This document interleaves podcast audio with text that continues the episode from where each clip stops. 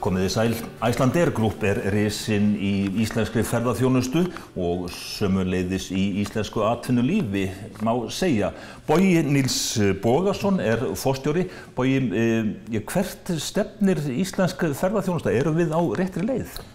Já, ég held að við séum klárlega á, á réttri leið. Við gengum í gegnum talsverða breytingar á, á síðasta ári. Við verðum breytingar umhverfni eins og við sekjum öll og og ákveði svona leiðréttingar ára að mínum mati.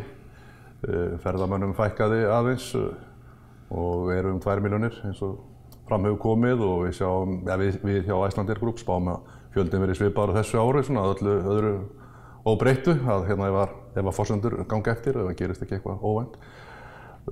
Við sáum jákvæða þróun á síðast ári að hérna ferðamenn sem hinga komið voru að meðaltali að dveljast aðeins lengur og og skilja hér eftir meiri fjármunni og við teljum að það sé svona stefna sem við höfum að fylgja. Við höfum að horfa á gæði ferðamannana og, en ekki magnið. Að þeir skilji í rauninni meira hér eftir heldur en þeir taka frá okkur og það teljum við vera mjög góða þróun en það eru svona svona, hvað ég var að segja, ógnir líka sem við höfum að horfa á.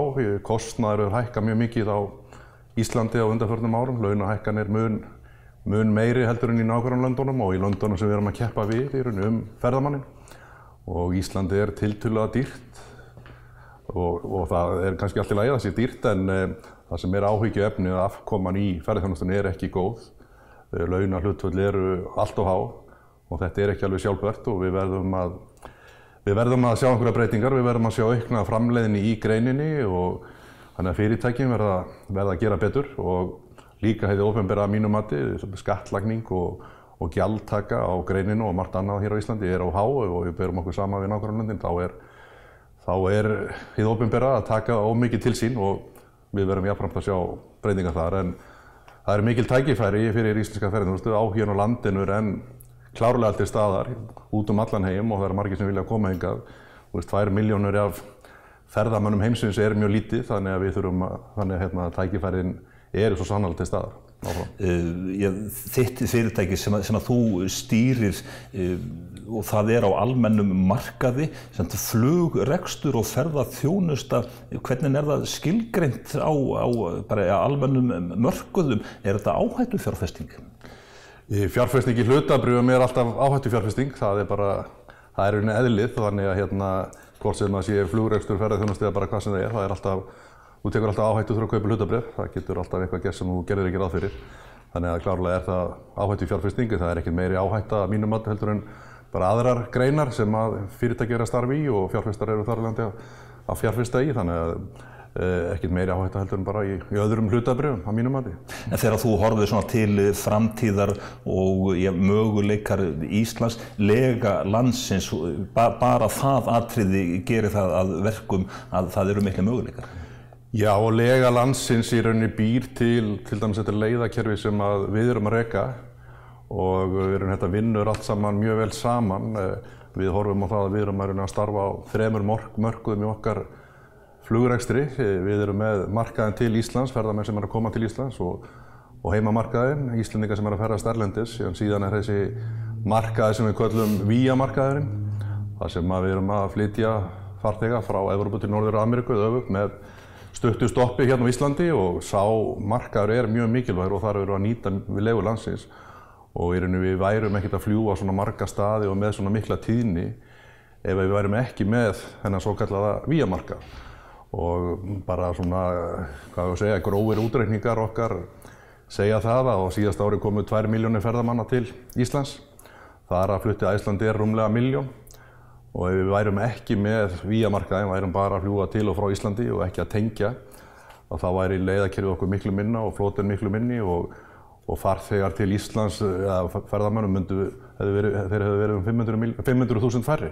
En Keflavíkur flugvöldu, hversu öflugur er hann í, í raun og veru? Þetta er samkeppni milli landa. Já, já, bæði er samkeppni á milli landa. Ísland er í samkeppni sem er unni ferðamanna land, áfang og staði ferðamanna en síðan er Keflavíkur og Ísland sem tengi miðstöð á milli, milli Evropa og Norður Ameríku, bara í samkeppni við aðrar tengi miðstöðar og beinflug líka, þannig að það er gríðarlega mikilvægt fyrir bara allt saman sem ég var að tala um áðan, bæði via markaðin og markaðin til Íslands og þessar tengingar sem Íslandingar höfum að, að flugvöldunum sé í rauninni samkeppnishæfur að það sé rauninni bara ánægilegt fyrir viðskiptavinnin og farþegana að fara þannig gegn. Þannig að það er mjög mikilvægt að uppbyggingin á keflavíku flugvelli haldi áfram. Uh, þegar maður les yfir fréttir, uh, þið hjá Æslandir Group, þið talið mjög oft um mikilvægi þess að leiðakerfið sé sveigjanlegt, en er uh, ykkar leiðakerfi eitthvað sveigjanlegra heldur en flugfélaga á separi stærðargráðu? Já, vegna þess að við erum að vinna þessum þremur mörkuðum og þá býr það til sveigjanleika, tækifæri eins og við sáum til dæmis á síðast ári í þessum breyttu aðstæðin sem örðu í, á samkynnsmarkaðum og síðan örðu við, við fyrir tí að, að maksvélarna voru kyrsettar sem átti að vera tæmlega 30% okkar flota. En vegna sveigjanleika leiðakerfinsins þá náðum við að bræðast við og setja áherslun á markaðin til Íslands og aðeins minni áherslu á víamarkaðin, tengi farþegana og með því náðum við að fjölga farþegum og ferðamennum til Íslands í okkar kerfi um tæplega 30% þannig að sveigjanleikin og styrkleiki liðakerfisins er klárlega mjög mikil. Við erum mjög upptekinn af því hversu margir ferðarmenn komu til landsins en þú talar um mikilvægi þess að sagt, fá meira út úr hverjum ferðarmanni, láta hann dvelja lengur og svo frammeins. Já, við hefum reyni talað um það eh, hjá Æslandi Group síðan 2012. Við fórum í gefnum mikla stefnumótun þá og við erum lögðum til við eh, stjórnvöld á þeim tímapunkti að það ætti að vera fókusin okkar. Við unnum mikla vinnu í samvinnu við eh, Boston Consulting sem er aðlendir ráðgæðafyrirtæki og ég er unni aðfendum stjórnvöldum þessa stefnumótun og við gerðum þetta í samstarfi við Bláa Lónið og Bílalegu Akurur og, og fleiri góða aðeila og við, við höfum talað um þetta og fleiri að síðan er í 2012 að Ísland sem ferðarmannland ætti að stefna á og er unni að að setja fókusin á uh, gæði ferðamanna en ekki, ekki magðir. En hvernig förum við að því Íslandíkar? Ég það er rauninni að veita hér uh, góða þjónustu og vera með hjá okkar og okkar fyrirtækilega miklu áherslu bara á vöruna, þjónustun og þess aftar að, farþegin og viðskiptavinninu fái rauninni að minnst okkur stuði það virði út úr þjónustunni það sem hann borgar fyrir, hann sé alltaf ánaður með það sem hann gerir við verðum líka að hugsa til þess að það sé ekki mikið, mikið álag á vinsalistu ferðamanna perlunar. Við verðum að geta dreift álæginu, dreift ferðamannunum út um landið og eh, eins og ég sagði á hann, tvær miljónir ferðamanna á þessu og, og síðast ári og segjum þess að við ætlum að vexa um 5% á ári til 2030 þá verðum komin að hérna verða rúmlega 3 miljónir ferðamanna 2030 og þá verðum við að bæta við rúmlega miljón ferðamannum við það sem nú er og við gerum það ekki nema við náum að Já, raunni, dreifa ferðamannunum mun betur um landið helsin heldur um að gera í dag. En Þannig... Eh, getum við gert þetta í eh, raun og veru eh, sjálfsagt koma þá bara einhver önnur félög inn á markaðin lágjálda flug, flugfélög?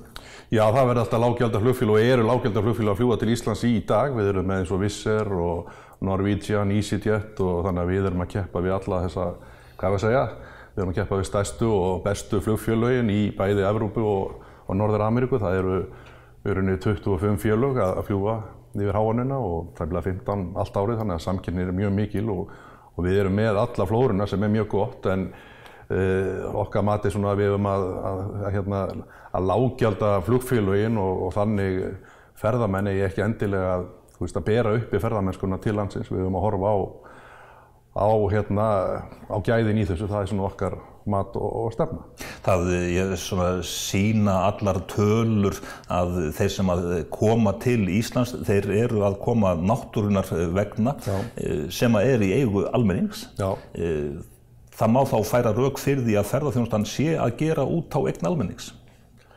Eh, ferðarþjónustan er að hérna, skapa gríðarlega tekjur inn í hérna, skattkerfið og svo þær tekjur hafa aukist eh, mjög mikið á undarförnum árum og þannig að rauninni, það eru og ferðarþjónustan hefur rauninni, og flýið hefur rauninni, drifið áfram vöxt hakkerfisins og er stuðilað endurreist íslenska hakkerfisins eftir runið 2008 þannig að það er rauninni, ferðarþjónustan er líka að skila því sem að það er að nýta rauninni, af, þessu, af landskeiðunum til, til hakkerfisins og þar að leiðandi íslendinga þannig að það er allir að að njóta góðs af þessu. En hvernig finnst þér sambúðin við landan vera, sagt, eh, hvernig er ferðarþjónustunni og landunum að, að linda? Mér veist uh, bara samkómulagið mjög gott og svona almennt held ég að sé mikil ánægi með það að ferðamönnum hingað til lands hefur fjölgað. Uh, það þýðir að uh, tækifærin hérna á Íslandi þau, þau hafa aukist. Það er, við höfum líka nátt því sem við settum stefnu á fyrir nokkrum árum að er að gera ferðarþjónustan í Íslandi á heilsás starfsemi og það hefur hjálpað mjög mikið og við höfum séð uppbyggingu um all land og þetta er orðið heilsástarfsemi um all land og bara flóra ný afþreyingu í veitingahúsum og öllu hefur aukist mjög mikið út af aukningu ferðamanna til landsins og Íslendingar njóta að sjálfsögðu góðst af þessu. En svona eh, hortið til framtíðar til þess að byggja ferðarþjónustuna eh, en frekar upp, hvaða leiðastef þarf þar að hafa í huga sérstaklega? Já, stjórnvöld í samstarfi við greinina hafa verið að byggja upp svona, hvað við segja, framtíðar sín fyrir íslenska ferðarþjónustu, fyrir framtíð íslenska ferðarþjónustu til lengri tíma og þar er verið að horfa meðal annars á, já, líkilstefið er til dæmis sjálfbærni og, og arðsemi og uh, meðal annars dreifing ferðamannana um, um landið og og mér finnst þetta að vera algjörlega rétt stefna sem er að koma á borðið í dag. Mm. Tölum aðeins um loftslagsmál eh, flugmengar. Flugmengar af útblæstrinum, CO2 útblæstrinum í heiminum, þá er flug að valda svona tæplega 3% af heldinni en fluggerinn tekur það mjög alvarlega og hefur í rauninni gripið til markáttaðra aðgerða undanförnum árum og og síðan 1990 hefur flugið minkað útblástur um 50% á hverja rekstrar einingu og, og stefnir á að gera enn betur á næstu árum og, og við hjá Æslandir tökum þetta mjög alvarlega, settum uh, mikla áherslu á þetta á ammaliðsárunni 2012 og erum eitt að fáum flugfélögum í heiminum sem eru með umhverfisvottun á næstum alla starfseminna. Uh, við erum búin að vera fjárfesta mikið í bæði eldri flugvélaflotanum þannig að uh, það er í rauninni eigið minna elsneiti og síðan hefur við náttúrulega verið að fjárfesta í, í glæníum flota líka og það vil hann séu því miður kyrsettar í dag en, hérna, en við horfum mjög mikið til þess að uh, minka útblásturinn vegna okkar starfsemi en það verður svo að hafa í huga við búum hérna á, á EU, hérna á Íslandi og það er erfitt að komast uh, á milli Íslands og annara landa og halda viðskiptatengslum, menningarlegum tengslum á þess að fljúa og við Við horfum til þess líka og, og hérna, en við tökum umhverfismálum mjög alvarlega og, og það er ekki bara í flugínu, það er líka í okkar starfsemi, í, hérna á flugvellinum og það allt saman. Við erum bara með 100% fókus á að að er að minka umhverfið spór okkar félags. Mm -hmm. Nýjar vélar, sagt, þær eru þá, eða eigða ekki eins, eins miklu, en til þess að geta viðhaldið flotanum að já, þá þarf reksturinn að ganga þokkalega? Já, það þarf að ganga bara vel. Flugvélagkostur er dýr og það er mikil fjárfesting sem að fælst í flota flugfélaga og við höfum því miður verið í tabrekstri á síðust tveimur án, 2018 og svo 2019. Max eh, kyrksetningin hafði mikil áhrif á okkur á árunum 2019 og það hefur komið fram í okkar afkomið spá fyrir árið í hilda, það verður tap og, og við ætlum að snúða því við árunum 2020, það er okkar líkil áhersla inn í árið. Æslandir hefur ja, all nokkrum sinnum þurft að tilkynna að það frestist að taka Max-vélarnar í notkun. Ertu búinn að tellja hversu oft þú hefur frestað þessu? Nei, ekki að, nei, ég er ekki alveg með það í kollinu, það er kannski svona fjóru sinnum eitthvað en hérna þetta er náttúrulega mjög óheipileg staða og líka fordama laus staða og ég held að raunin bara allur heimurinn þegar vélarna voru kyrsettar í, í byrjun, hann í mars, þá gerði heimurinn ráð fyrir þetta erðu bara í, í nokkra vikur og, og það gerði við líka, en síðan hefur þetta dreyist og dreyist og og í rauninni þegar við fórum inn í fluga, eða fórum að stilla upp flugállunina fyrir 2020 þá var í rauninni tvö leiðarstegi þeirri vinnu, það var annars vera að bæta afkomu leiðarkerfinsins og hins vegar að minka áhættuna af því að ef að max kyrksetningi myndi vara lengur heldur en við vorum að gera ráð fyrir að þá myndi það hafa sem minnst áhrif á okkar eh, rekstur og okkar flugállun og þetta kom það í ljósa þegar Boeing tilkynntum það nýlega að vélarnar eru líklega ekki komnar í lofti fyrir enn í júni eða júli þá gáttu við komið út með í okkar tilkynningu og sögðum að við gerum ráð fyrir að vélarnir eru ekki komnar í lofti fyrir bara eftir háanuna en það myndi ekki hafa neina, neina áhrif á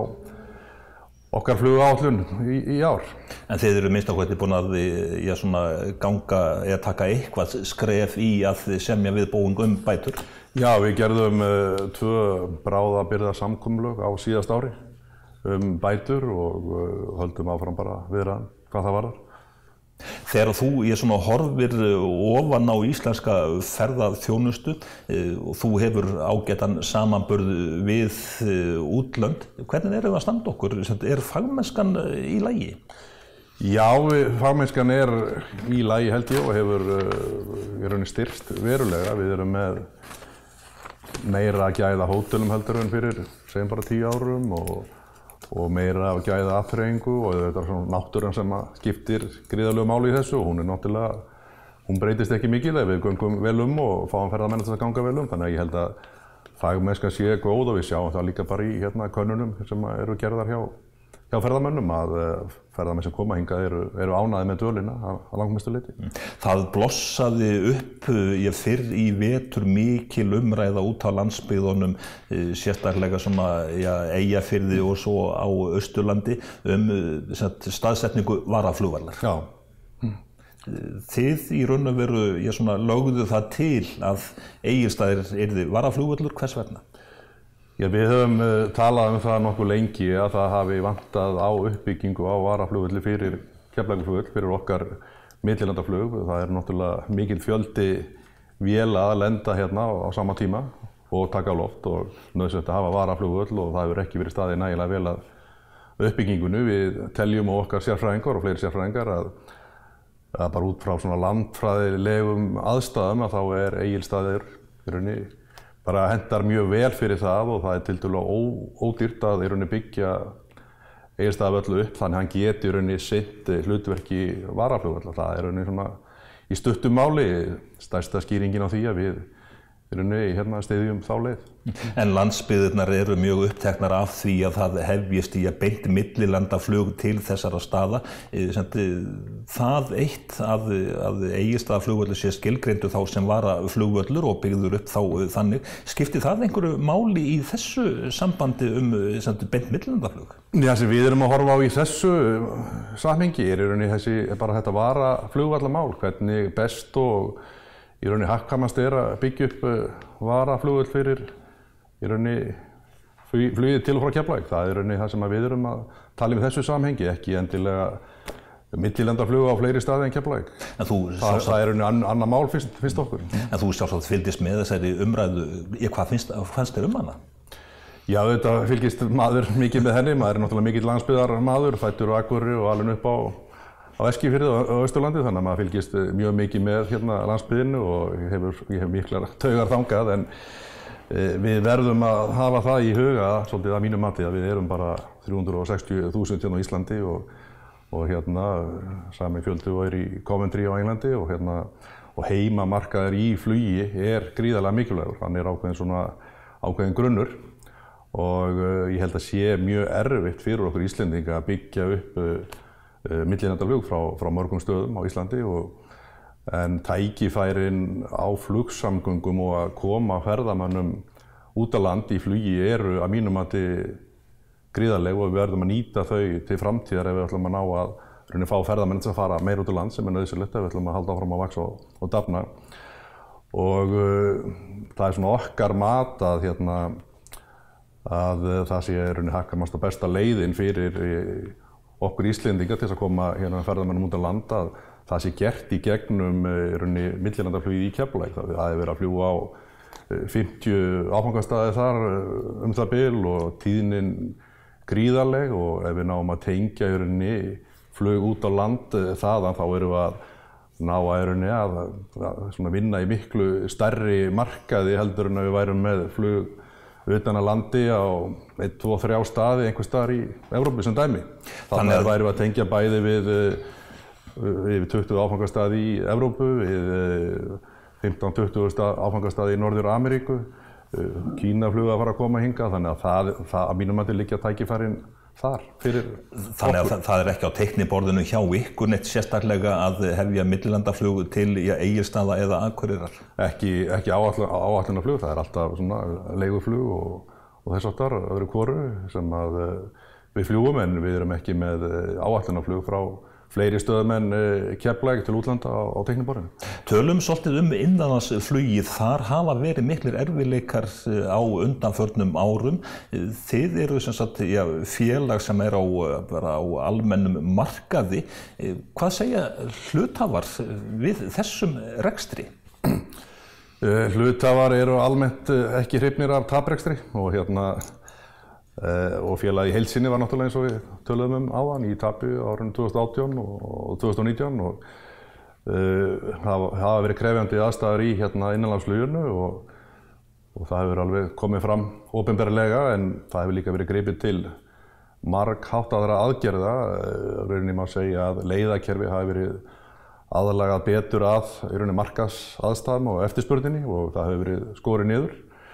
Uh, það hefur verið tekið til í rekstrunum bara á öllum sviðum innanlandsfluginu þannig að við erum að sjá mikinn mikil rekstrar bata þar á milli til dæmis árunum 2018 og 2019 og uh, stefnum á að gera enn betur á árunum 2020 en í rauninni það er ekkert uh, sveigurum en það er þannig að í rauninni bara flugflotinn almennt í flugi er þetta, þetta eru dýra fjárfestingar og og það má ekkert út að bera þannig að reksturunni fari, fari í mínus eins og, eins og gerðist þarna á árunum 2017 og 18 en eins og segi við erum að sjá bata núna og ætlum að gera betur á árunum 2020. En einhver síður þá svona ef ég mann þetta rétt þá, þá fækkaði farþegum ég bara á öllum viðkomu stöðum á síðast ári? Það hefur verið talsverð fækkun hjá okkur og við höfum þurft að skera niður frambóð og aðalega það er að markas aðstæðum og við erum að horfa á það að frambóð verið aðeins skorið niður líka árunum 2020 þannig að hérna, já, aðstæðar eru nokkuð erfiðar. Það er, ekki, eftirspunni hefur ekki verið að aukast heldur þvertum móti hérna í innanlandsluðinu. Mm. Ertu þá að tala um að ég vil að hætta að fljúa til einhverja staða? Nei, við höfum aðeins verið að minka frambóði bara á ákveðna staði en ekki, það er ekki verið að taka neitt stað út. Í, mm. í það er svolítið talað um skosku leiðina. Hvað, hvað veistu um hana? Hvar standa þau mál sem að snýst um að ja, niður greiða eh, flugið fyrir þá sem að búa út á landi? Já, hún er á tekniborðinni hjá samgöngur áfyrraða í samgöngur áðanetinu og hérna, við hefum svona fengið einhvern ávinning af því hvernig hún mun líta út en ekki svona, ekki nákvæmar útlistanir. Mm. En ef hún verður að veruleika þá mun hún klárlega hjálpa en ég held að hún mun ekki svona gjörbreyta stöðunni samt. Það eru uh, alveg öruglega þó nokkuð margi sem að skilum bara botna ekkert í verðinu hvernig það megi vera að það kosti einhver staðar 30.000 kall að fljúa innanlands en svo kannski 20.000 kall til köpunahafnar. Já, það er mjög skilinlegt að fólk velta þessu fyrir sér en við gerum náttúrulega reglulega samanbörð á því til dæmis hvað innanlandsflug hér á Íslandi hjá okkur kostar meða við nákvæmlega London og Európa almennt og Norður Ameríku og innanlandsflug hér er alls ekki dýrara heldur en í þessum löndum sem við erum að byrja okkur sama við. Þetta er bara því miður hérna, þetta er, það er mikla fjárfæstingar í þessari starfsemi og þetta er dýr rekstur, það er bara þannig og bara sem tökur sem dæmi núna í janúar við þurftum að fella niður 200, um 200 flug í innanlandsfluginu og það bæði því þið tekjutap og heilmikinn kostnað og uh, það hefur áhrif á reksturinn í heilsinni þannig að þetta er Þetta er bara dýrt og því miður og hérna, og, en reksturinn verður að standa undir sér og því er þetta staðan en innlandsflug í Íslandi er ekki dýrara heldur en, heldur en annar staðar og í í millilandaflugi, það er alltaf verið að bera það saman, þar er náttúrulega, þetta eru stærri einingar, eh, fleiri farþegar, þannig að einingakostnari verður lægri og hérna eins og hefur náttúrulega, við höfum séð það að margt af þessum var í gangi í millilandafluginu þegar fólk var að kaupa sér sem dæmi fargjöld til Kaliforníu og innan við, já, tíu skall sko, það er náttúrulega ekkert sjálfbært og, og við erum ekkert að sjá það til framtíðar heldur. Mm. Uh, svona, já, væntum þykja innan gæsa lappa e, þjóðarinnar til ykkar e, félags, hún er ansi mikil. Já, við, við finnum mikil stöðning og erum mjög ána með það sjálfsögðu og, hérna, og við tökum líka þessu, við finnum til ábyrðar og viljum gera eins vel og við getum í, í okkar rekstri og hérna, horfum mikið til samfélagslegar ábyrðar og og þeirra þarta og en þetta er náttúrulega líkil atriði fyrir okkur og okkar félag og, og landi í heilsinni að, að reksturinn sé sjálfbær og, geti, og okkar félag geti staðið sér í, í samkeppninni við önnur flugfélag og eins og við fórum yfir áðan þá er hún mjög mikil og við erum að keppa við í rauninni miklu starri flugfjölug sem eru ofta tíðum að gera út frá bara ódýrari löndum þannig að hérna þannig að við líkilatir er rauninni bara að er að gera vel í reksturinn þannig að reksturinn sé sjálfbær til lengri tíma. En svona það sem að svona er í kortunum hjá ykkur eru þið að reikna með að sagt, línuritið fari upp hvað varðar komu Asjubúa til landsins? Já, við höfum séð aukningu þar. Á síðast ári voru kínverjar um uh, 5% af ferðamannafjöldana til Íslands, um 100.000 og það eru klárlega vaksta tækifæri þar. Við, við þurfum svo að fá að kínverju og Asíu búa, eða fá lítið hlutvall af þeim til þess að skipti máli fyrir okkur, miklu máli fyrir okkur. Uh, þannig að við horfum á vaksta tækifæri þar. Uh, við höfum séð kínversk flugfélög verið að tilkynna flug til landsins sem er, sem er mjög gott. Þannig að Það eru klárlega hérna, í ferri í, í venjulegum aðstæðum allavega. Takk að þér fyrir spjallið. Takk sem þess.